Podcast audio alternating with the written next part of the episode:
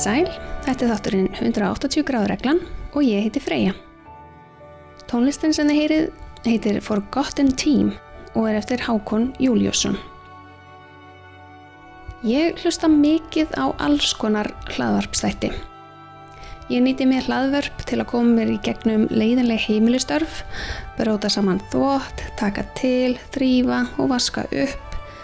Skemmtilegt hlaðvarp getur gert leiðinlega húsverk aðeins minna leiðileg. Síðasta haust, þegar ég fór á stað með þannan hlaðvarpstátt, þá var það vegna þess að ég held að það væri engin með hlaðvarp sem fjallaði um íslenska kveikmyndagerð. En ég var ekki búin með nema nokkra þætti þegar ég uppvitaði að ég var ekki einn og ég var ekki einu sinni brautriðandi. Alli og Elias höfðu byrjað með sína þætti um það byrj nýju mánuðum á undan mér. En það kemur ekki að sög. Ég vil meina að það sé ég vil pláss fyrir enn fleiri kvikmyndagerðar hlaðvörp á Íslandi. Hver og einn er með sinn stíl og við sem höfum brennandi áhuga á kvikmyndagerð, við drekkum þetta allt í okkur. Því meira, því betra. Mér finnst við hæfi að á tíu mannað afmæli 180 gráðreglunar þá fái ég alla og Elias í heimsó svo ég og þið geti kynst þeim aðeins ef þið þekkið á ekki nú þegar. Alli starfa sem kveikmyndaframleðandi og leikari og Elias starfa sem handrýtshöfundur. Við skulum heyra hvað vinirnir Alli og Elias hafa að segja.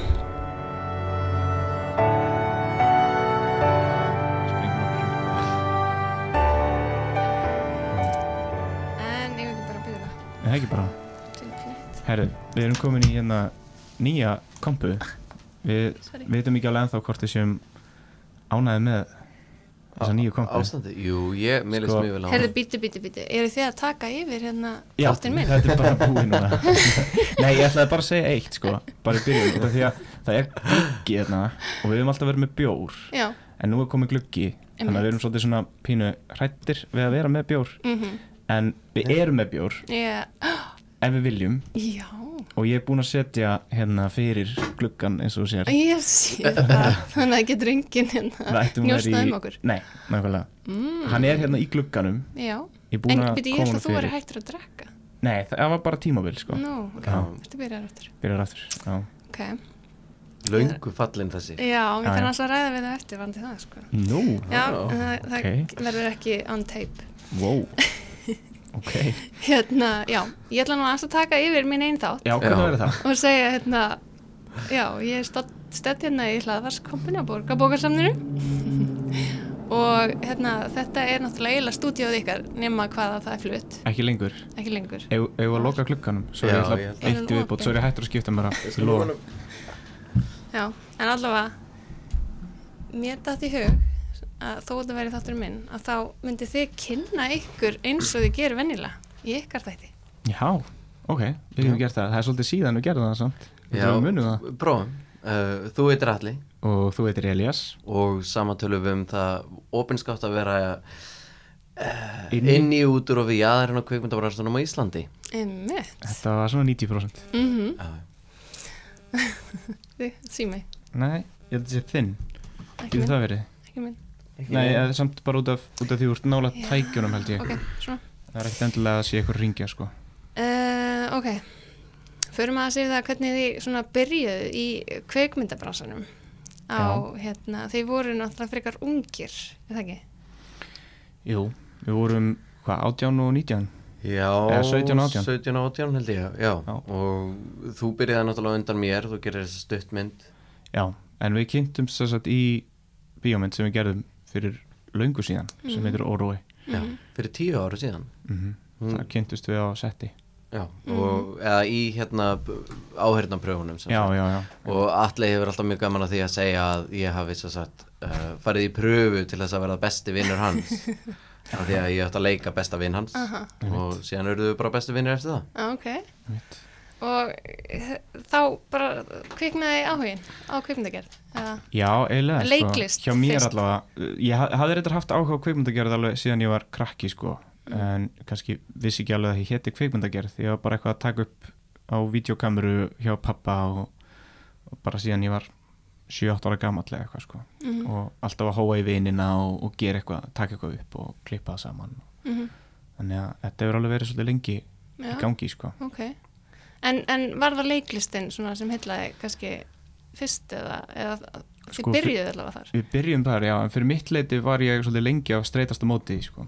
Mm. ég vildi ekki fara út í leiklist og ég var alveg til í að leika en mér langaði samt að gera eitthvað allt annað Mhm. en svo eftir að, eftir að ég mitt kláraði óróa þá var ég leiki aftur snúið það var bara ógíslega gaman þannig að ég gæti ekki hugsað mér að gera neitt annað en það það var líka bara svo ógislega skemmtilegt sett og ég hérna ég vildi reyndar alltaf vera leikari til að byrja með.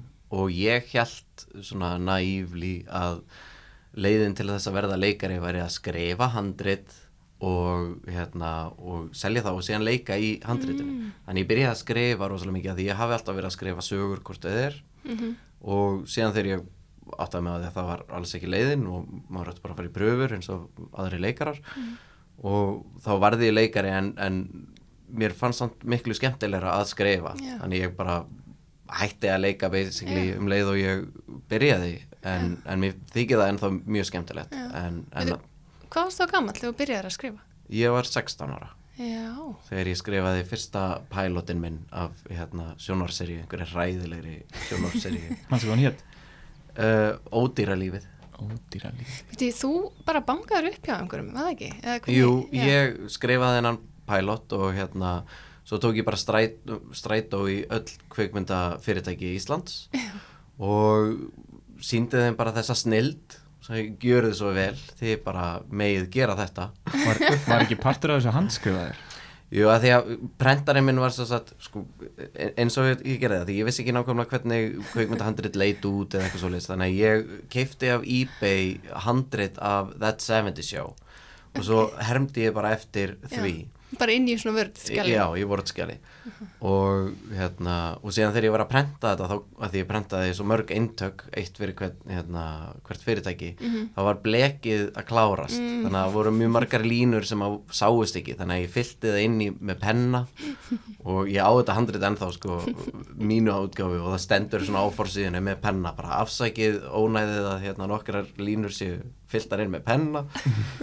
Og ég held að það hafi verið svona það er allavega hann, hérna, handritsöfundir hann Otto Geir Borg hann, honum fannst þetta svo krútlegt og fyndið að, og hann las, hann var eiginlega svo eini sem að las handritið og fekk mig síðan inn á fund og svona hvað af hverju er 16 ára gutti að gera þetta? Veist, það, það er mjög interesting og hann svona ítti mér daldið út í það að halda áfram. Já, sem er skemmtilegt. Já, hann er frábær. Ég náttúrulega tóku viðtal við hann. Ég hlustaði á það. Já, Já. já, Hann er meistari Algjörlega. Eh, Og þið eru búin að vera vinir síðan og fóruð hérna saman til LA Já, já, við, á, saman tíma í skóla. Já, við, við fluttum fyrst inn saman í Breiðholti. Mhm. og vorum þar 2012. með einhverja já, vorum þar með einhverja hérna djam íbúð eða eitthvað. Það var svona bachelor pad. Algjörlega, vorum með byggðum bar og svona eftir að hérna eldúsborða okkar brotnaði þá hendum við bara bar í staðinn með, með dælu og svona. Þetta var alvöru. Já, já, og hérna Og svo, svo hérna langaði þið svo að fara í nám í hérna handritagerð og mér langaði í leiklistanám þannig að við vorum báður að skoða bandaríkin. Ég var aðeins hrifnar af New York en var líka að skoða einhverja skóla í LA og uh, ég hefði farið sko árið áður þegar ég var ennþá í mentaskóla að uh, sækjum í skóla fór í Juilliard pröfur og svona, svona stórar heavy duty pröfur um, komst ekki inn í neitt að því og reyndi aftur ári síðar. Og þá þá var hann komin inn í New York Film Academy í sem LA er í Los Angeles. Já, og ég þú veist, fór í einhverja pröfur og ákveða að skoða þann skóla líka. Leist ágætlega á hann uh, en leist aðalega á hann út af því að Elias var að fara á það þannig að það má vel að segja ég hefði eldan þangað sko. Og ég sé ekki eftir því. Ég, þó að þú hafi farið til LA áður. Ég hafði aldrei komið til LA ég hafði ekki einu sinni googlað hvernig það væri að lifa í LA ég til dæmis við heldum hérna, eitthvað partí þar sem að ég gaf öll hlýju föti mín bara í, hérna, í breiðoltinu fluttið svo til Los Angeles og áttaði mig síðan að svona, já það er samt kallt á kvöldin. Þú hérst að vera bara alltaf 30 stöði heiti, já, já, bara flatt. Ok, og hvernig, hvað var þetta langt ná? Þetta var þryggjára ná og um, Já, fjögur, fjögur ára nám sem að var tekið á þremur ára já, já, sorry já. þegar við tókum sumarennir Já. í staðin fyrir síðust tóku bara aldrei frí Já, Nei, við fengum í rauninni bara viku frí á milli hverra annar sko. þannig við vorum bara stanslust í skóla í, í Þrjú tæp ár. þrjú ár er já. það ekki svolítið hefi? já, það var bara það var bara skemmtilegt já, bara ógsta gaman Já. bara, þú veist, keirsla og, og já, bara mikið stuð Já, veist, það þurfti maður ekki að hafa áhyggjur á því til dæmis að tapa íbúðinni þegar þú kemur til Íslands. Það hefur verið ömulegt að fara til Íslands á sumrin til að gó- vinna. að góða við þetta var einmitt að veist, við vorum á lín allan tíman og við gátum fengið línlán fyrir sumarönnin líka. Þannig að sumarið var ekki eitthvað einn svona sem verður oss stundum svona laus, í lausu lofti fyrir fólk sem er úti af því þá þarf það að fara heim að vinna eða, reyna að finna vinnu já, og Já. leia íbúðinu sinni út á meðan úti og alls konar vesen. Þannig að við lendum í rauninni aldrei í því. Við vorum alltaf bara fyrir eitthvað solid þannig að takk lín. Já, Mm. ok, það er ekki margir sem segja Nei, ég er að þetta. grínast, ég þú líka en allavega, hérna, en þessi skóli hann heitir hvað, e, Næfa? Já, Næfa. Og e, hérna þið töluðu nú ekkert alltaf eh, eða allavega já, um það, já, svona Æ, eða þú aðrir veist, kannski Þetta er um náttúrulega svona skóli sem að hleypi bara hverjum sem er inn og, hérna, og þú bara færið út úr þessum skóla það sem þú leggur í hann og þú er að vinna mjög hart, að leggja mjög hart að þér að finna fólk sem að er uh, gott í því sem það gerir af því að það er engin svona, það er engin filter. Nei, Nei, mitt, er rauninni bara, veist, þeir skoða rauninni bara banka yfirlitið þitt og ef þú getur borgað næstu þrjú árin þá ertu komin inn, sko. En uh, kennararnir hann eru æðisleir, allavega allir kennarar sem ég hafði í Já, líka. voru bara snillingar. Um, þeir sem stjórna skólanum eru ekki eins mikli snillingar. Mm, og veist, það er bara eins og það er. Í svona engareknum skóla þá er bara það er bara eitt tungumál og það er peningar. Mhm. Já. Og En þið fenguð alveg það sem þið vildi fá út úr þessu námi? 100% Algjörlega og, og meira til jáfnvel, ég hérna, þú veist, fór hann inn að leita mér að leiklistamentun og ég fekk einhvern veginn miklu meiri uh, svona heildar uh, kvikmyndamentun og kvikmyndagerðarmentun í rauninni og kom út bara einhvern veginn svona fílaldur í það að fara að búa til með degi stöff og fara að framleiða og, og hérna, þau lögðu miklu áherslu á að gera uh, verkefni frá A til Ö sérstaklega í leiklistinni, þó erum bara í leiklist að þá var lokaverkefni okkar stuttmynd sem við skrifum, framleitum og, og lekum í sjálf. Mhm. og það fannst mér alveg geðvegt og ég var farin að meira sér að hjálpa öðrum samnefndum mínum að framleiða sínar myndir. Þannig að í lokin þá var ég búin að framleiða sko mína mynd og fimm eða fjórar aðra lokamyndir sko, Ok, sem var þannig að þú varst bara næstu komin á framleiðslu þannig. Já, eiginlega, þannig að, að þar kviknaði einhvern veginn svona aftur áhugi fyrir því. Mm, sem var mjög skemmtilegt. Já. Og e, útskriðust þið á sama tíma? Já, Já. Og þið bygguðu svo eitthvað áfram í LA eða? Já, Já.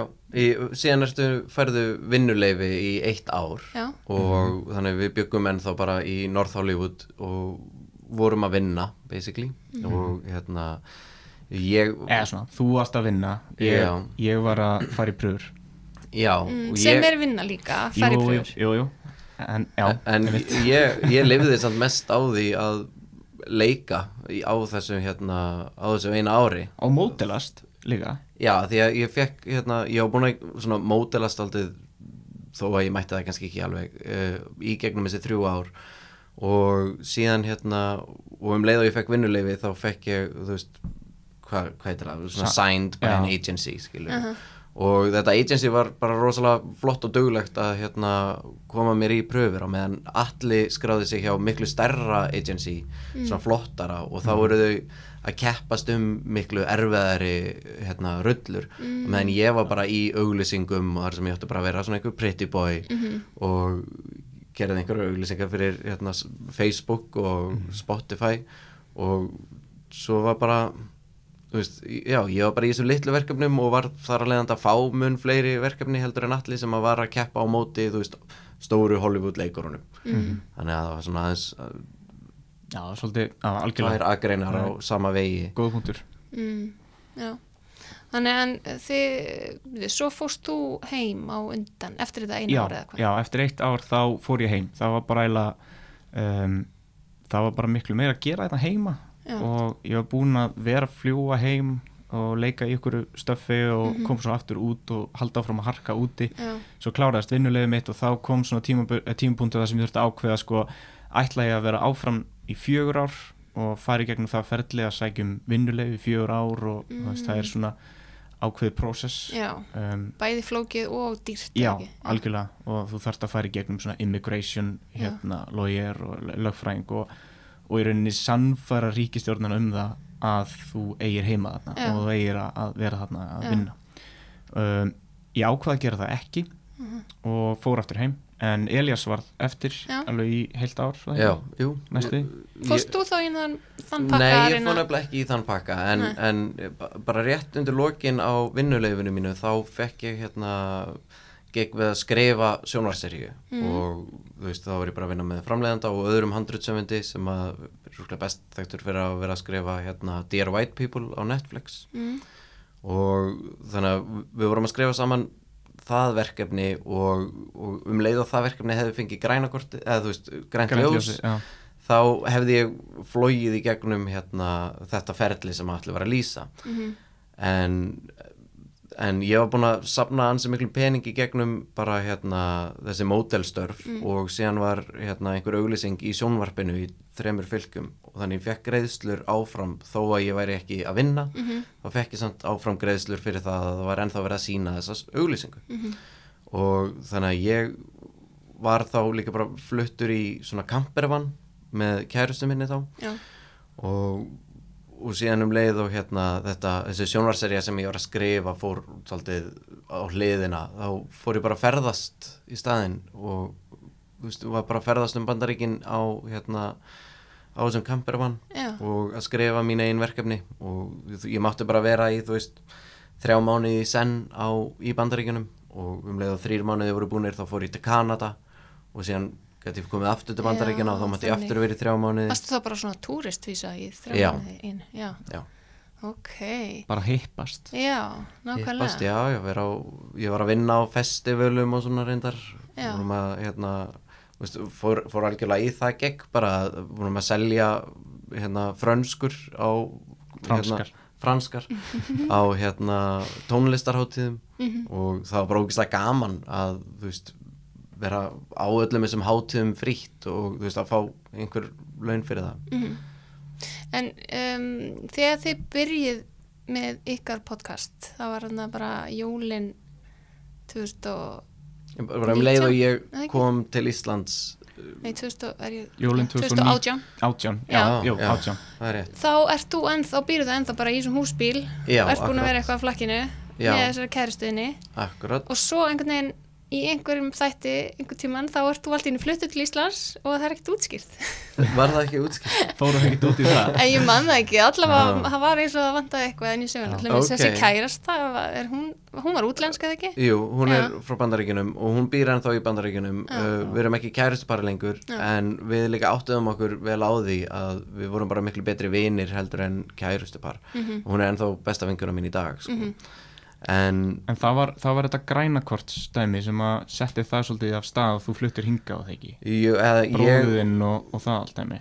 Nei, það kom setna og það Já. er ennþá bara eitthvað svona in the air en ég kom aðalega bara til Íslands til þess að byrja íslenskt verkefni þú veist, að því að ég fó, byrjaði að skrifa á íslensku fekk Mhm. hérna, fyrsta styrk frá kveikumdasjóð á meðan ég var ennþá úti. Mhm, og þannig ég kom hingað til þess að reyna að koma því verkefni á, lab- af stað. Mhm, og, og síðan byrjaði ég að skrifa meira með honum Einari Egils sem ég er ennþá að skrifa með hérna, sjónarserju í dag. Mhm, en við vorum svona þú veist, hann bjó líka í Los Angeles og við vorum hérna að reyna að skrifa íslenska bíómynd.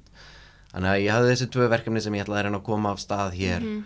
og síðan gerðist þú veist, þau tvö verkefni fóru ekkert af stað Já. þá fóru aðri hlutur af stað Já. og þannig að ég hérna Þú ert að skrifa eitthvað með Baldvin Seta, eða ekki? jú, Já. það til dæmis Já. hérna fóru á stað það árið og, og líka eitt annað verkefni sem ég hafði skrifað sem var þess að loka verkefni mitt í skólanum hérna, það var bara kveikmyndahandrit það fekk hérna einhvern styrk þannig að og átti síðan að skjóta það á Íslandi Mhm, þó að það hafi verið skrifað fyrir bandaríkin og ég bara þú veist, það meikaði bara ekkert annað sens en að fara til Íslands og koma þú veist, og halda því áfram og ég, mig langar ennþá að flytja aftur til bandaríkjana Nú, ok. en núna með þessum verkefnum eins og til dæmis Baldwin setta verkefni Mhm. á að hérna, þú veist, ef allt gengur eftir eins og það á að gera Mhm. þá hérna uh, þá færi það samt ekki tökur fyrir en í oktober 2022 Mhm. Wow. og ég er hérna svona samningsbundið því verkefni nema eitthvað gerist náttúrulega til janúar 2023 Já. og hérna og ég ætla bara að reyna að koma öllum hinum verkefnum af stað á Ég veit ekki eins og tíma. hvað ég er að gera morgun sko. Ég veit ekki hvað ég ætla að fá borgað á morgun nei, hvernig, ef við förum að svona í það, hvernig lifir maður sem handritsöfundur svona að byrja í þessu, eða þú veist, við erum búin að vera svona Já, nokkur ára með mörg handrit í einhvern veginn vinslu. ég meina þetta er í 100% í fyrsta sinn sem að ég er að lifa bara á því. Já, og það er erfitt. Mhm, um, ég til dæmis veist ég, ég meina eins og kveikmyndasjóður tekur 8-12 vikur að svara hvort þið vilja gefa þér 500.000 kall. Mhm, sem er Sem ekki er einu bara- sinni nóg til að kofera 8-12 vikur nei, sem er Íslandi. bara mánalinn basically, Já, veist, þannig að þú veist, já, maður verður bara að vera með a- m- mörg verkefni ég er með fjögur Mm, og hérna, og þau eru á mismunandi stað. Mhm, þannig að þau eru, veist, mismunandi tími þar sem að koma greiðslur inn en síðan þegar maður fær til dæmis uh, missir af einni greiðslu eins og það var einn hérna, sjónvarserja sem að var svona farin af var að fara af stað þegar að COVID kom á. Mhm. og, og þá var ég líka reyndar að farin daldi að skrifa hérna tónlistamindbönd mhm, og það er bara svona sögu sem að, og þú veist, þú gera svona pitch deck fyrir tónlistamöndbönd og það allt einhvern veginn hvarf með COVID og þá þurfti ég eiginlega bara að sína bankarum mínum hérna, bara þá samninga sem ég er á eins og er mhm, og fekk að hækka yfirdráttu minn og var bara svona búin að lifa daldi á skuld og nú er ég svona aftur að fara að grafa mig upp úr þeirri gröf. Og hérna Já. þannig ég held að í lok næsta mánaðar ef allt gengur eftir þá ætti ég að vera þú veist, komin aftur á hérna, þetta ról þar sem ég get verið að fá þú veist, mm, x greiðslur hér og þar til þess að lifa af allavega út árið og kannski til apríl eða eitthvað. Mhm, Þetta er glamúr líf. Já, mjög stressandi sko. Allt svona peningadæmi er rosalega stressandi Já. hluti af þessu og þú veist, hérna ég þurfti til dæmis að ég var til dæmis að gera núna tvö tónlistamindbönd en þau borga til dæmis ekki vel það er alltaf lítil budget. Mhm, en, en mjög gaman og þú veist og þá nær maður, hei, einu mánuði í viðbót af Já. því að lifa. Mhm, og, en þetta er bara gambul þú veist, Já. maður er bara veðja á sjálfan sig maður er bara veðja á verkefnin sem maður er að skrifa og maður er að skrifa þau bara nógu vel til þess að maður fái peningin sem maður býst við. Já, mm, Já. en hjá þér, allir, Úf, um, sko, já, ég náttúrulega er, er búin að vera uh, síðan ég útskrifaðist svona búin að vera að gera bara svona verkefni hér og þar uh, sem hefur endur alltaf verið um, uh, hefur rauninni alltaf verið raunin skilur, ég hef aldrei unnið full time sem leikari eða, eða kveikmyndagrammaður en, mm, en núna svona þá svona hægt og rólega er, er ég búin að koma mér í þá stöðu að ég get verið að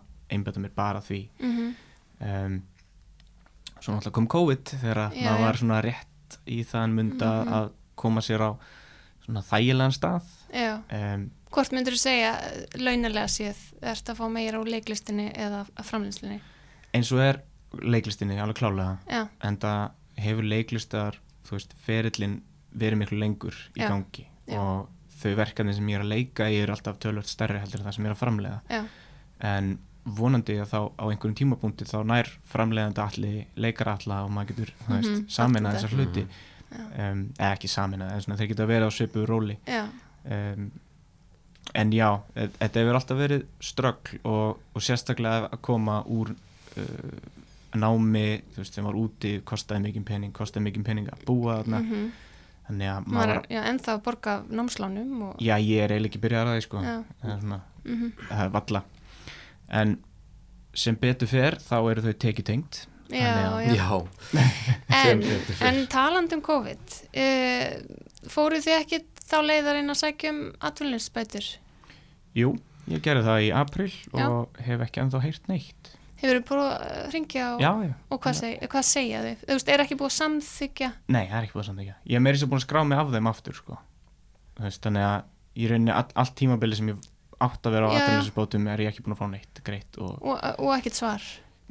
mjög loðinsvör allavega Ok, en þú? Ég, ég sótt um sko, ég fekk alveg svör en, en svörin voru samt sem aður þau að hérna að, að því ég tók einhverja vaktir á hérna bar þegar ég kom hérna Já. veist, þegar ég flutti fyrst Mhm. bara svona rétt svo nóg til að borga leiguna og síðan lifði ég bara á þessum litlu greiðslum úr hérna úr skriftunum Mm. uh, en síðan hætti ég að vinna við hennar bar og var bara að vinna við skrifin Já, og þau álíta þessi, þessi laun sem ég hafa fengið fyrir skrif, skrifin ekki sem alvöru laun ekki sem laun?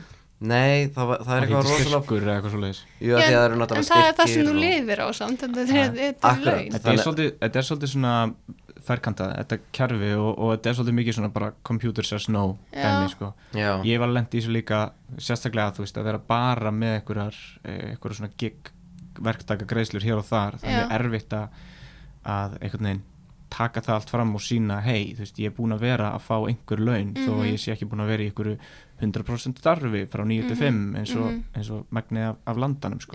Það er eins og sé einhvern veginn ekki skilningur fyrir þessum lífstíl sko. já Nei. mér var til dæmis sagt hérna, svona, já, ég sé hérna að í, að í november þá, þá lifður nú alveg á 30.000 krónum og ég er svona, nei það er ekki satt ég var að lifa á þessari hérna greiðslu Já. og svona og síðan útskýrið þetta veist, fyrir henni og í símanum og hún svona, já það er nú afskaplega leðilegt já, ok. Það er null skilningur. Ok, þetta er ekki eins og í Danmörku, ég veit ekki hvort til hlustu að viðtali við hana, hérna, Katrínu Björgvins sem að ég útskrifaðist úr danska kvikmyndaskólanum. ég hlustaði á það. Já. ég er einmitt að aðeins að vinna með henni líka. Já. það hún er, hún er æði. Já, einmitt, og hún var að segja sko, það er svo mikil skilningur, þar skráur hún sér bara á aðlýsibætur og, og þau, þau skilja það bara, hún er nýútskrifaða leikstjóri sem að er ekki að fá tekjur strax, hún er Ok. bara að vinna í, í því að vonandi geta skapað tekjur byggja eftir upp- byggja upp sitt nafn Já. og, já. og, og hérna, svona, vera að taka þátt í hinum þessum verkefnum og skrifum og eitthvað og, og, og já, hún fær bara bætur í þann tíma og svo þegar það fer að detta inn þá getur hún skráð sér af þú Ok. veist, já, því líka luxus já, því líka það er mega luxus Þa, að það vantar allan þennan skilning á verktaka lista bransanum hérna á Íslandi algjörlega Já, að því að það er líka ok, við erum með hérna, listamannalaunin sem að er svona Já, sem sitt fyrir- batteri en Já. það er náttúrulega fyrir þá sem eru mikið lengra komnir Já. þannig að það vantar, já, þessa brú þannig á milli fyrir þá sem eru nýjútskrifaðir og eru að reyna að koma sér Já. á ég held fætur líka, held líka sorry, að listamannalaun þú veist, þeir ná eiginlega ekkert yfir kvikmyndalist. Nei, uh, hva, hvorki sko hérna leikstjórn nýja handréttagerð eða neitt. Hvað, þá, hvað þá leikara sko? Að því að, að, að því að þú veist það er veginn bara fyrir rítvöndar já, sviðslistamenn og, og,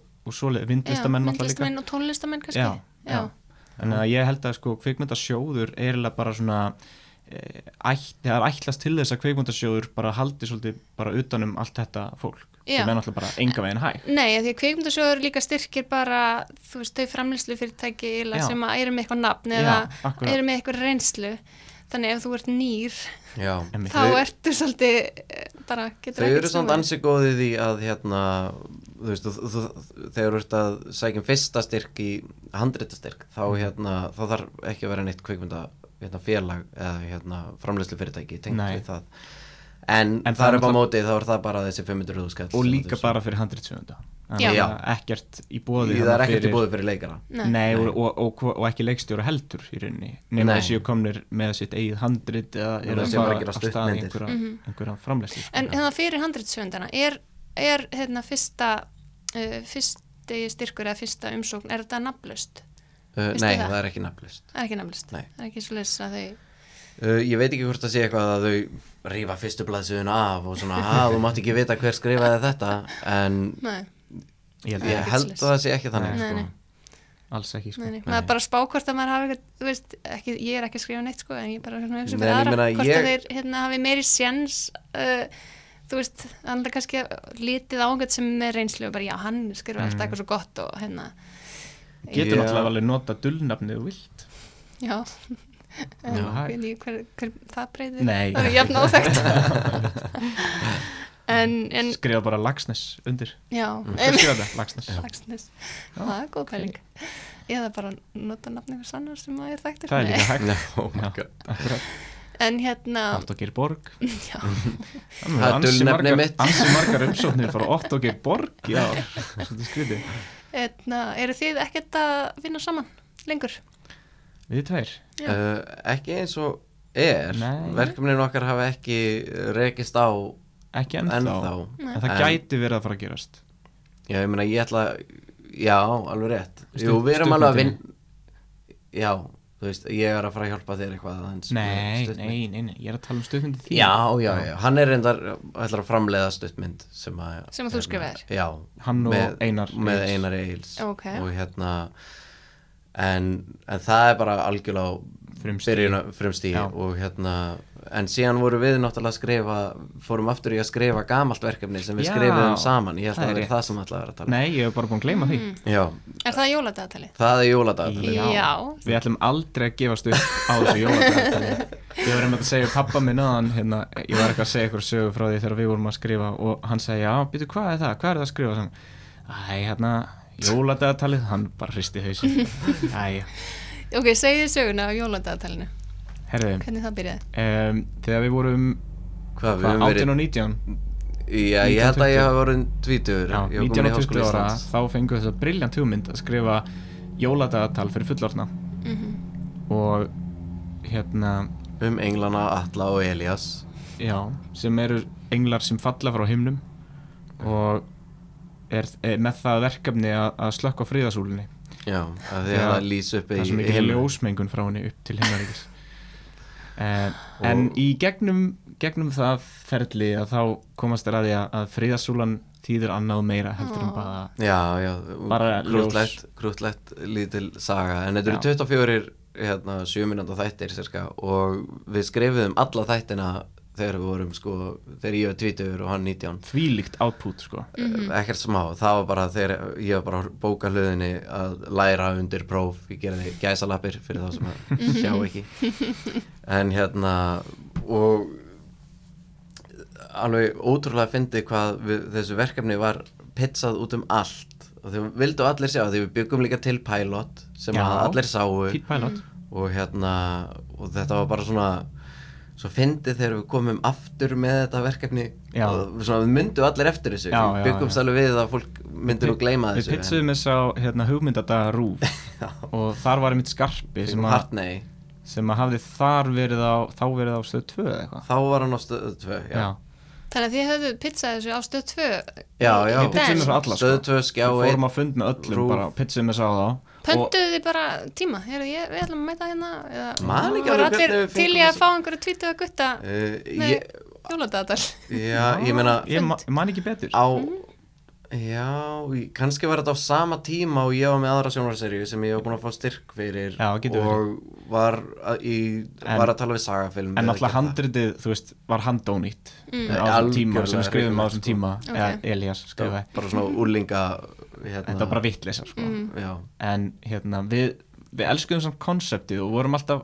þú veist, einhvern veginn, á einhvern hátt á einhvern veginn komum við alltaf aftur að þessu konsepti og heldum áfram að þróa það og svo þegar þessi hugmyndadagar komu þá einhvern veginn tókum við þetta upp úr skúfunni og dustuðum hans rikið þessu og já að beðið sérstaklega um jóladagatal um leið og ég sá það ég Já. var svona, jóladagatal við eigum nú jóladagatal jú, við meitt stykki og eitt stykki jóladagatal Já. og hérna Þannig að við uppfærðum það og, og pitchum því og, og fengum nei en við ákvæmum samt að halda áfram með það og þá partneruðum við upp við, með hérna gamla uh, partnerdum okkar átnagesti sem að hjálpa okkur einmitt að gera pælótin á sínum tíma. En býtu, fengu nei, þið fengu fyrst já En það ekki, allavega Já, já, til þess að kynna fund. þetta. Já, Já, við fengum fund, jú, Já, jú, þið jú, fenguðu svona, komast í gegn fyrstu síðuna. Já, já, já, já. já, já. Og fóruð á, á fund. Fórum á pitsfund og Já. pitsum þessu og, Já. og bara og skarpi hristi höfuðið. Nei, nei, nei, nei, hann var alveg að fíla þetta sko. Eða það? Já, já, Ég man ég það held þetta bara hafi örgulega verið á dýrt. Að Því að, meina, þú veist, Já. það sem að fekk síðan það sem komst síðan í gegn Nei, ekki jóladatali, ég er bara Mm. að tala um veist, þau verkefni sem komu síðan í gegn Já. voru öll svona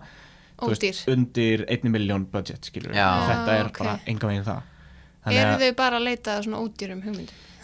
ég veit það ekki ég veit, kannski var náttúrulega- það pointið með hugmyndadögum Já, þetta var kannski meira eitthvað svona spjallettir og eitthvað svona kósi sem hægt að gera í stúdíói og kostar ekki of mikið pening Ok en Já. þetta er alveg, þú veist, full Já, production já, En, en svo heldum við áfram að, að e, pæla í þessu verkefni og núna erum við búin að vera að hittast reglulega og endurskrifa það já það við byrjuðum á því að hittast reglulega. Við hefum ekki hitt í mjög langa tíma. En hérna Þau, þau þurfa ekki að vita það. Nei, Vi, við erum að fara þetta aftur í gang. Já, því að þetta jóladagatal verður að veruleika. Ok, þannig að þið eru búin að endur skrifa það?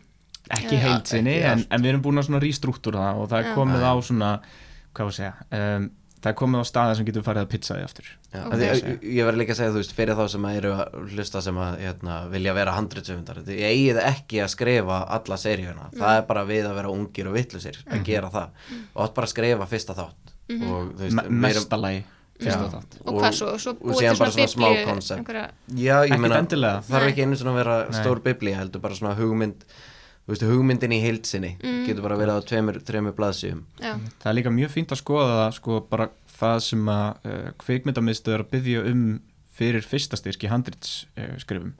Það sem þeir eru að byggja um þar er í rauninni bara grunn uh, hugmynd já, grunnhugmynd, langur synopsis um, stuttur synopsis og svo þrjár, fjóra senur mhm, þú veist, hvort Já. það er í kveikmynd en, en ef þú ert að gera, skrifa sjómastátt ég veit ekki hvort það sé eitthvað svipa mhm. um, það er yfirleitt ekkert meira sem fólk þarf í fyrsta pitsi, þannig Mhm. að alls ekki fara á eins og við gerum að skrifa Mm. sko, hvað var þetta, 120 blaðsíður af Já. eitthvað ég, og- ég, ég man einu sinni Shit, Þetta er náttúrulega 24 þætti, það er það er það er slatti sko, það eru Það er tvær bíómyndir í Já. rauninni sko. Já. og ég hérna meira segja þegar ég var að skrifa bara svona sex þátta komedíu seríu eitthvað og var að pizza það er þetta verkefni sem ég var hjá uh, sagafilm með.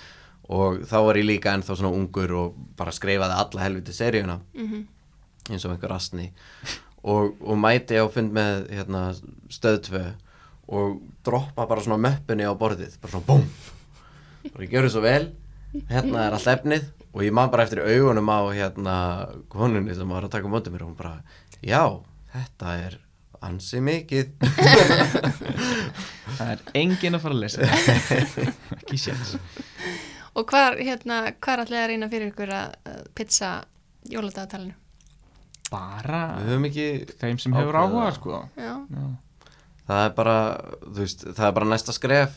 Skilur við erum bara í því að búa til svona flott pits Já. mhm, og hérna já, sjáum bara Já, við erum ekki pikki sko. mhm.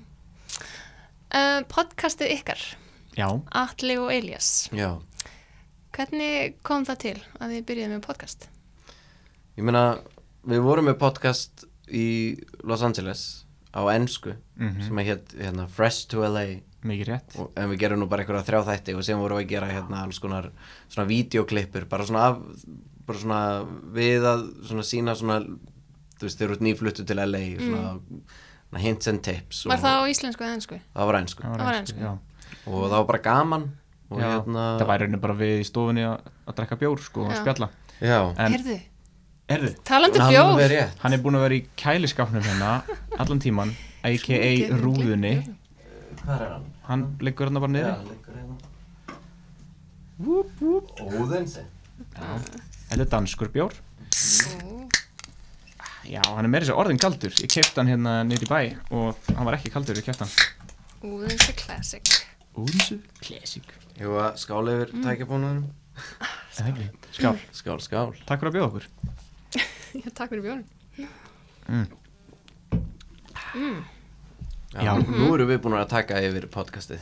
Já, nú er þetta- orðið orðið allir eitthvað. Elías Tölum aðeins, tölum aðeins um podcastið okkar meira. Já. Já, í kjölfarið af því að þá föttuðum við að, þú veist, já, við erum með svona ágætt svona back and forth eitthvað og svo þegar við komum til Íslands að þá langaði okkur eitthvað aðeins að tjá okkur. Já, og það heyrist nú bara í fyrsta þættunum á hérna, podcastun okkar að við erum þar að ákveða um hvað er þetta podcast, hvað erum við að tala um Við höfum alltaf verið mjög meta, sko alltaf verið svona svolítið uh, svona existentialiskir í podcastinu að tala um podcastið á meðan við erum að gera það. Já. og okkur finnst það form svolítið Þið eru mjög svona innlægir og bara látið eiginlega allt flakka Já, ekki? takk fyrir það Já, mér fannst það mjög skemmtilegt Já. og hérna líka svona sem komur ykkur það var líka gaman Já, við lettum nú í smá vandræða með það einu Eða, ó nei voru að segja eitthvað sem mátt ekki Já, segja. svona, það kemur fyrir, stundum fær maður svona reið skilabóð á Facebook Mm. eitthvað, hvað hva fréttir þú þetta? Já, Já. ég var einmitt að hugsa bara vákaður eru hugar bara,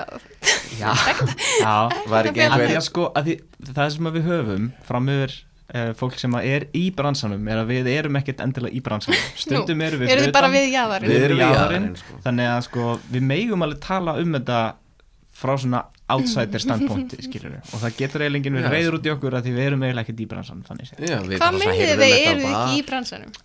Æ, ég veit ekki það er svo, þetta verður svo blörd lína einhvern veginn, hvort maður er einhvern veginn partur af þessu eða ekki og stundum líður mann eins og maður sé bara enga með hluti af þessu og maður, ma maður horfir á þetta algjörlega bara frá hérna, að utan og inn.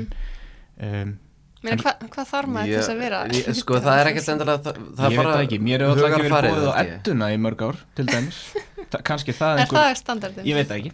Ég, veist, Sko, ég er bara spittbóla sko það er kannski þess vegna sem að við törum alltaf um að við séum sko inn í útur og Mm. við jaðarinn á kvikmyndabransanum í Íslandi að því að þú veist, jújú, jú, við erum að vinna með öllu þessu fólki og Já. hérna og við erum svona, veist verkefnin okkar eru í bransanum Mhm. en það er bara svona skemmtilegra að vera með það hugarfar að maður sé svona út úr bransanum eða Mm. við jaðarinn Já. og þú veist, og maður er bara við svona erum aðeins að kannski líka bara við erum kannski líka bara með pínu impostor syndrom Já, ég skil. Það geti spilað inn í. Já, Já, að þú veist, við, svona, okkur líður eins og þegar, við, þegar okkur líður eins og við séum inn í bransanum, þá líður okkur eins og við erum ekki heima þar. Ég veist ég nú alveg eiga skilja að vera í bransanum. Já, sko, skilið, en það er ekki víst að þú sko, eigir heima þar, það er ekki endilega þinn heima völlur en eru þess að þegar þið eru svona hrinskilnir og kannski eru að tala ópinnskáttum hinn á þessa og, og eitthvað uh, þið eru þá tryggjað að þið komist aldrei inn í bransan Akkurat, akkurat. Já, ég ætla að, sko, ég held að við höfum aldrei talað illa um neitt mm. við höfum talað illa um fyrirtæki og verkefni eða svona illa, við höfum, við höfum svona hallmælt fyrirtækjum og verkefnum fyrir það að vera að standa sér illa í hinum og þessum hlutum. Mhm. en við höfum aldrei talað illa um manneskjur Já. eða, Mm. eða fólk En það er líka bara eitthvað sem allir veist, eru sammála um að fyrirtæki sem að borga ekki eiga ekkert að fá að fara að gera, hjóla í næsta verkefni Nei, og, og eiga líka ekki skilið að fólk þegi bara þunur hljóði og leiði því að slæta sko. Nei. Þú veist, einmitt að einhver kolliði út á það sko. Já, og þú veist, jú, ef ég fæ ekki vinnu hjá þessu fyrirtæki í eitthvað, í eitthvað tíma bara, Já. það er þannig þá bara gerir En þú það- degið Já, það kemur nýr fórstjóru eftir tvær vikur þannig að það skiptir Mm, einhver máli það væri áhugavert að vita á hversu mörgum hérna, svörtum listum við erum á. Ég Það veit að er eiginlega mynda okkur upp á vegg eitthvað staðar. Pílu skjald Já, ekki leifa þessum gæði minn hérna, kannski. mm, En það ég meina, þú veist, síðan veit maður bara þú veist, að þau verkefni sem maður gerir þau bara munu prevail skilur þau, þú veist. Það er ekkert að segja á móti vinnumanns skilur, nema það sé léleg. Mhm, mhm. Nákvæmlega En hérna eitt sem ég svona spáði því ég er að hlusta á mikið af svona, ég hlusta bara yfir höfuð mikið af podcast og hérna og mikið af kvikmyndagerðar podcastum og hlaðverspum á íslensku. Um, og þau eru flest uh, þá er karlmaður sem stýrir hlaðverspinu og viðmælandinir eru svona 95% tilfellum karlmenn. Já, og, og svo fór ég að hugsa þetta hjá ykkur, þeir eru tveir Já. og í þau fáu skipti kannski sem þið hafi fengið gesti já, alltaf Höfum Er þetta eitthvað ekki- sem á þið ég, á ég að segja þér af hverju það er? Já, endilega. Það er út af þessu ógæslega mikil svitalykt inn í gamlu kompuni og hún er svo lítil að við höfum bara ekki lagt í það að bjóða konu í heimsókn í litlu Er það- kompuni er það útskýringin? ef, ég- ef ég segir alveg eins og er þá hef ég bara ekkert pælt í Nei, Nei, ekki honestly, bara Já. ekki neitt. En bara, bara mjög góða punktur. Já. og við skulum taka þetta til okkar. Nei, ég er nefnilega sjálf sko spáð mikið í það. Já, og passa mig að hérna hafa þetta 50-50 á mér. Ok. Já, Við gerum það reyndar fyrir Reykjavík Creative Hub Já, og er- það, einmitt, ég ætla að einmitt að koma inn á það síðan í, í framhaldinu, sko. Já, ekki vera að stjórna Nei, Ég, að hérna, ég svona, þú veist, ég ætla að hafa þetta alltaf alltaf til skiptist, það var alveg bara ok, það var kallmaður og Mm. kona og kall og kona. Mhm. og það gekk ekki upp að því að maður veit aldrei hvena maður getur fengið, Nei, þú veist, akkurat. hvernig skilur hver er laus og svona. En ég er svona held bókaldir þetta Já, og af 23 viðmælendum þá er ég búin að vera með 13 konur og 10 kalla ok, en vel uh, gert. Já, En nú eru að bætast nú hópinn. bætast tveir við þannig að já, ok. þannig að það verður 13 á móti 12 þannig að Ah, þetta er ok. alltaf hérna, ég náðu að retta þessu með hérna að fá tvo í einu. Gott, vel gert. Gott mál. En já, Reykjavík Creative Hub þið eru hérna með það. Og það var eiginlega Mhm. þar sem að því ég sá auðlýsingu fyrir það. Og þá hérna bara fattaði ég hver þið væri eða skilur Já. og frétta Já. podcastinu Má, og má ég spyrja hvað þú sást auðlýsinguna? á Bara svona forvitni. Já, ég byrja ég sá hana fyrst í fréttablaðinu. Já, það. bara svona var svona lítil grein þú veist þarna Einmitt. aftast. Og hérna bara Reykjavík Creative upp eitthvað með kvikmyndagerð. Ég lega, já, hvað er það? og þá fór ég á Facebook og fann þetta þar. Og þá er ég, hver er þessi Atli og Elias og þá fær ég að googla það. Geggjað. og þá fann ég podcastið og hérna, já, Gaman emitt en hérna, já, Reykjavík Creative Hub. Segið mér aðeins, aðeins frá því eða hlustendum. Akkurat. Já, sko, þetta er náttúrulega bara eitthvað svona koncept sem að er til á út um allt í bandaríkjunum og mjög mikið af þessu í Los Angeles. Og þetta var bara eitthvað svona þegar að ég flutti eftir til Íslands þá sá ég bara svona þetta, það var klárlega eitthvað sem að vantar hér af því að mér fannst svo gaman að mæta á svona, svona creative gatherings þar sem að fólk er bara koma saman og, og kynna sína reynu hugmyndir og eitthvað svona.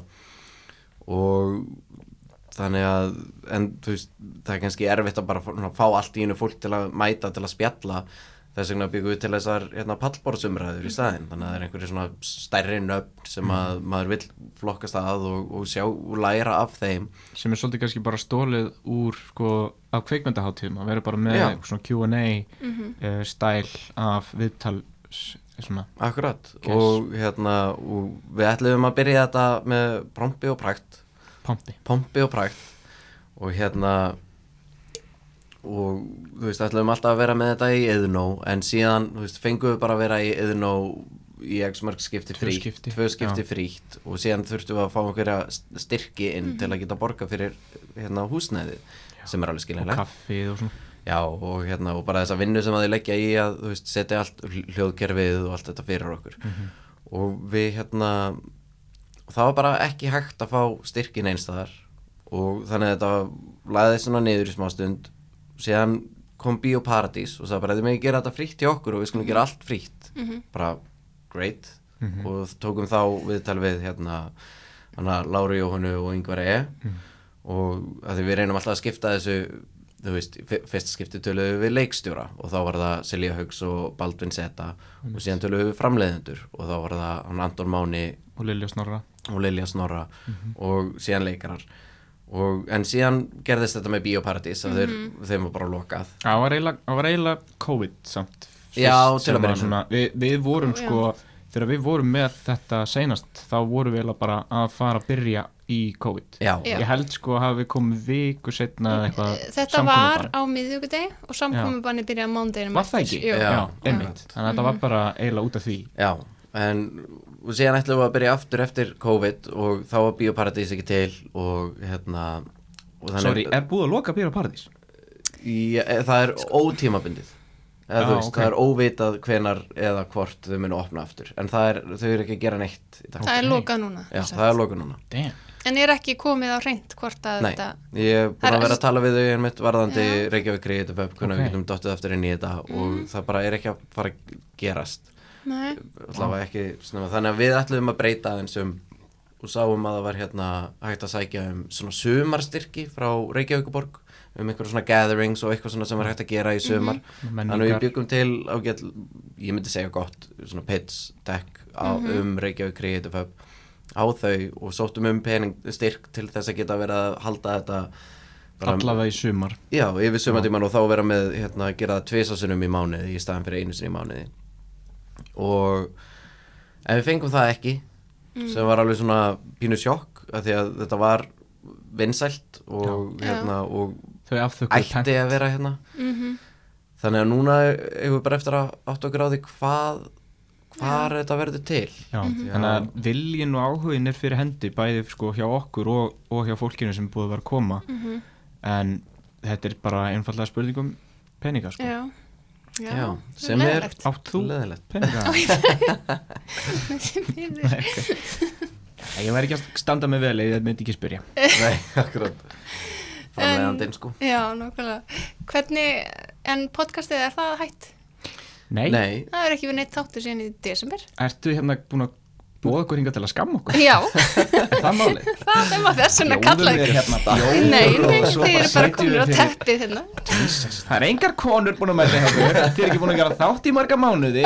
Og hvað, við erum allt niður um ykkur hérna. Herri, n- skemmtilega vill til að við erum einmitt að fara að taka upp þátt hérna rétt og eftir. Bara- Við erum búin að bóka slottið bara beint, á eftir þér. Nei, Jú. Jú, jú, ég var einmitt að hugsa bara Við erum að búið með tíman, hver er að næstur? Það er bara, það eru við. það er hard átt eftir fimm mínútur. Þá ætlum ég bara að taka klukkutími viðbót. Við, við hérna við, höfum, við, veist, við prófuðum einu sem að gera svona COVID spjall Mhm. og hérna og það var bara ekki eins skemmtilegt Já, er í gegnum, gegn, við töluðum saman í síma og tókum upp í sikkur lægi og já, þannig að það er það er þáttur þarna eftir Já, við desember. þennan Við gerðum einn í mars eða eitthvað, eða apríl Þú eða veist, ástæðan fyrir því að við gerðum síma, já. ástæðan fyrir því að við gerðum ekkert í vor var bara við að vera rasshausar eða það var líka ekki búið að opna hérna aftur Já, þá loka hér Já. Það er bara, þetta er fyrsta vikan eða Í- önnur eftir vikan. COVID Eftir en það var COVID. alveg opið í vor áður en að COVID kom Já, menn veist, er í janúar, vetur. februar Já. já. mhm. Já, menna það við tókum já, upp reyndar Það er gamlar við, við, við, tók, við, við tókum reyndar upp eitt þátt þá sem að allir síðan Já, hérna var ekki búin að klippa í Nei. þú veist tvo mánuði Mhm. og, og sá þáttur var rosalega mikið um þú veist, hann átti að heita hérna opnist ekki fyrir en janúar 2021 Mhm. því þetta átti bara að vera um okkar drauma og dýrðir um 2020 Mhm. sem, sem er allt búið að rætast notabene. við erum eiginlega búin að spá fyrir öllu sem er búið að gerast 2020 já, við vorum einmitt að drauma um, drauma um þetta Jók en hérna og það meikaði bara engar sens að send, setja þann þátt út í þú veist þegar 2020 var byrjað og komið á hliðina. Mhm.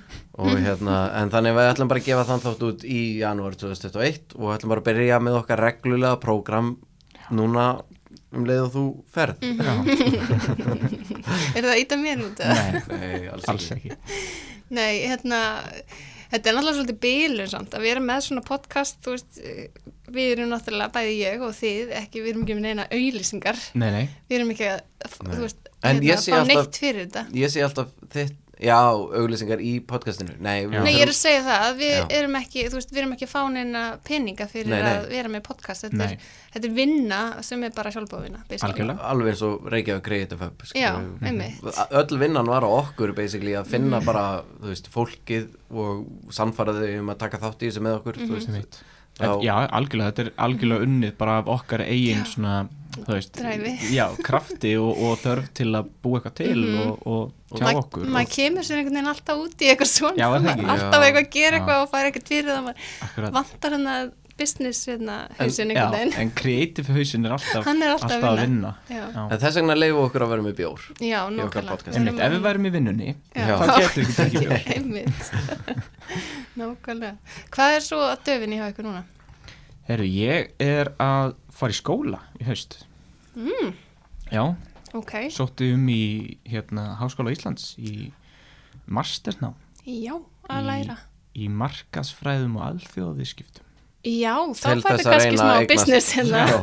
Logsins Þannig að já, ég er að fara að byrja í því. Vá. komin inn, fara að byrja í því í lok ágúst og það er tvö ár eða? það er tvö ár. Já. Já, Já, til hamingju aftur já takk fyrir það. Þannig Það- þá ertu bara ekkert að uh, að vinna? Um, sko ég ætla, ég ætla að reyna að vera ekki að vera með neyn verkefni um, þar að segja mín verkefni. Að því mér finnst ég eiginlega bara svo svolítið búin með stuttmyndir. Mhm. en það sem mér langar að gera er að fara bara í þetta tvekja ára nám og svo bara bara fara strax í að gera stærri verkefni. Mhm. Hvort Þannig að þú ert er- að fara að nýta þetta nám í að verða bara alvöru framleiðandi. Já, það er planið, Mhm. það er planið. Ok, og hérna fínt að hérna, geta verið með eitthvað plagg sem að segir, þú Mhm. veist, ég get höndla peningana Kann sem þú gefa mér Já. akkurat. Ok, Já. en þú? Ég er hérna bara að fara að halda áfram að skrifa veist, ég, hérna, þann 7. júli kemur út uh, fyrra tónlistamindbandið af þessum tveimur sem við vorum að gera handa hérna, söngkonunni Eivör Já, sem er þetta borið fram Ævör já, við komumst á því já, það var hérna ekki fyrir hún sagði hérna rétt mér hérna pókan sem að stendur Ævör á? Það var þetta svona hmm. allar að hugsa það sama, enginn fór að segja neitt. Þannig til að hérna hún er náttúrulega færisk þá getur alveg DP-in okkar spyr svona, er það borðið fram æfur? Hún er búin að tala við hana í, þú veist, ég veit ekki hvað langa tíma. Og hún svona, já. En já, ok, þannig að söngunan æfur, við vorum að gera hérna, ég og Einar Egils hérna, tvö tónlistamöndbönd, það fyrir að kemur út 7. júli, ég veit ekki alveg hvernar setna myndböndi kemur út, þetta verður magna stöf. Ég var, hérna, allir var í því. Já, ég fekk að koma einn dag að hjálpa til og Já. þetta er alveg mega cool. Þetta er rauninni bara svona koncept saga sem er skrifið fyrir bæði myndböndin og einhvern veginn saga, sögurnar tengjast í gegnum þessi tvö myndbönd. Mhm. og þetta er alveg þetta verður magna töff ég hef mikla trú á þessu. Og ég, takk fyrir það. Og ég hérna en ég bara sest eftir inn í að þú veist, skrifa baldunverkefnið og síðan hérna kom smá pása á eina sjónarseríuna en þarf bara að fara detta aftur inn í hana. Og síðan er ég, þarf ég að endurskrifa kvikmynd sem að hérna, við vonumst um að geta skotið hérna á Íslandi á næsta ári. En við sjáum, þú veist, veitum ekkert hvernig það fer. En hérna en vonin er þarna allavega. Akkurat. Þannig að Nú er komið að lókum á þættinum. Já. Eh, Þið endur alltaf þáttin ykkur einhverjum spakmælum, eða ekki? Alveg, gullmólum. Gullmólum. Viljið koma með eitthvað slíkt? Er þið með eitthvað reyðum höndum? um, já, kannski þú ættir að segja eitthvað um leiklist og ég eitthvað um andritarskrif? Ok, ok. Um, leiklist, Eða leiklist, öfugt. leiklist. Já, ok, já, Eða ég til í það. ég til í það. öfugt, ok. ok, uh, ég skal byrja. Um, já, ég, ég held ég ætli bara svona að rétir þetta það sem ég sagði áðan með að, þú veist það þarf ekkert alltaf að skrifa heilt handrit eða, eða búa til heila seríu til þess að geta farið upp að ykkur og sagt, heyrðu, ég er að vinna í þessu ég væri til í að gera þetta. Gerðu konsept gerðu synopsis, bara svona útdrátt úr sögunni og veist, eftir átt búin að struktúrana þar að segja.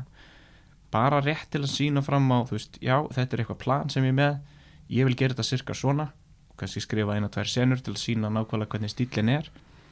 Og það er eitthvað sem þú getur shoppað með hvort sem þú ert að leita er að framleganda eða framleistu fyrirtæki eða bara sækjum styrk, hvað sem það er. ekki, ekki líta á þetta sem þú veist, ég þarf núna að leggja líf mitt á hliðina í halvt ár til að skrifa heilt kvikmyndahandrit áður en ég get haldið áfram skilur, byrjaði að gera gera koncept, komdu með sönnun fyrir því að þú getur gert það sem þú ert að gera á, á mikroskala og uppfæra það síðan. Já. Elias? um, með leiklistina, ég var að hlusta á þig þannig ég var ekki að hugsa. En hérna ætlaði að sé ekki bara það hérna veist, eins, eins og ég, ég hef núna unni með svona alvöru leikurum og ég tel mig ekki vera svona alvöru leikari að ég þekki ekki hugtökin eða þessar pælingar á bakvið það. En mér finnst bara ógeðslega gaman að leika og mér finnst bara gaman og, þú veist og leifa fólki að þú veist að þeir eru svo margir sem að taka þessu rosalega alvarlega og það er rosalega flott. En ef þú ert ekki einn af þeim þá bara þú veist leifa þær að lifa í þessari sköpun þessum karakter og þú veist og þessum orðum sem þú ert að segja og bara svona bara leifa þær að vera þú og nema bara einhver annar. Þetta er alveg hræðilegast í ég Þú líka alveg- þetta ekki alveg. Nei, ég Þú- seldi þetta ekki Þú breykaði karakter halfway through. Leifaði bara að vera þú. Já, þú veist, að því að sko, mér finnst ég alveg, þú veist, geta leikið og hérna, og vel þegar að ég er bara að hafa gaman af því. Mm. en síðan um leið og ég fer að pæla eitthvað svona aðeins og mikið í þessu að því að mér langar svo að vera pró þá, hérna og fer gleðin. Já, þá verður þetta einhvern veginn svona að vinnu og þá verður þetta bara ekki eins vel gert heldur eitthvað af þvingað og Já, akkurat, þú veist, þannig að ef þú ert eitthvað svona óurugur um leiklistina þína, bara bara go with the flow. Já líka þú veist, það eru allir óuryggir með leiklistina sína. Mhm. Já, þú veist, Það ekki. Jú. Að því að, le- le- ok, eitt betra kannski. Ok, hvað er það? að hérna, leik, að, þú veist, af öllum sem eru á kvikmyndasetti leikararnir eru þeir einu sem að, á settinu sem að munu feila fyrir framann allt, að- allt þetta fólk. Mm -hmm. handritsöfundurinn er búin að feila heilmikið heima hjá sér. En þú sást það er, ekki, það er ekki það sem að þú ert komið með fyrir fram að þig ef allir væri eitthvað að býða eftir ljósamanninum að prófa hitt og þetta þá væri það svona bara frekar skrítið og þá væri ljósamannurinn örgulega ja, óörugur og leikararnir.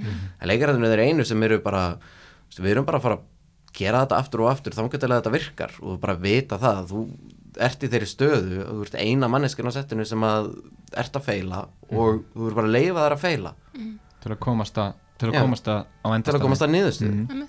Góð punktur, Já, ja, þetta var betra en hitt. Hvættum hitt út. Mhm. nei. Nei, Herðu, já, takk bara gæla fyrir þetta. Takk eftir fyrir að bjóða okkur. Takk fyrir okkur. Við bara sjáumst. Cue the music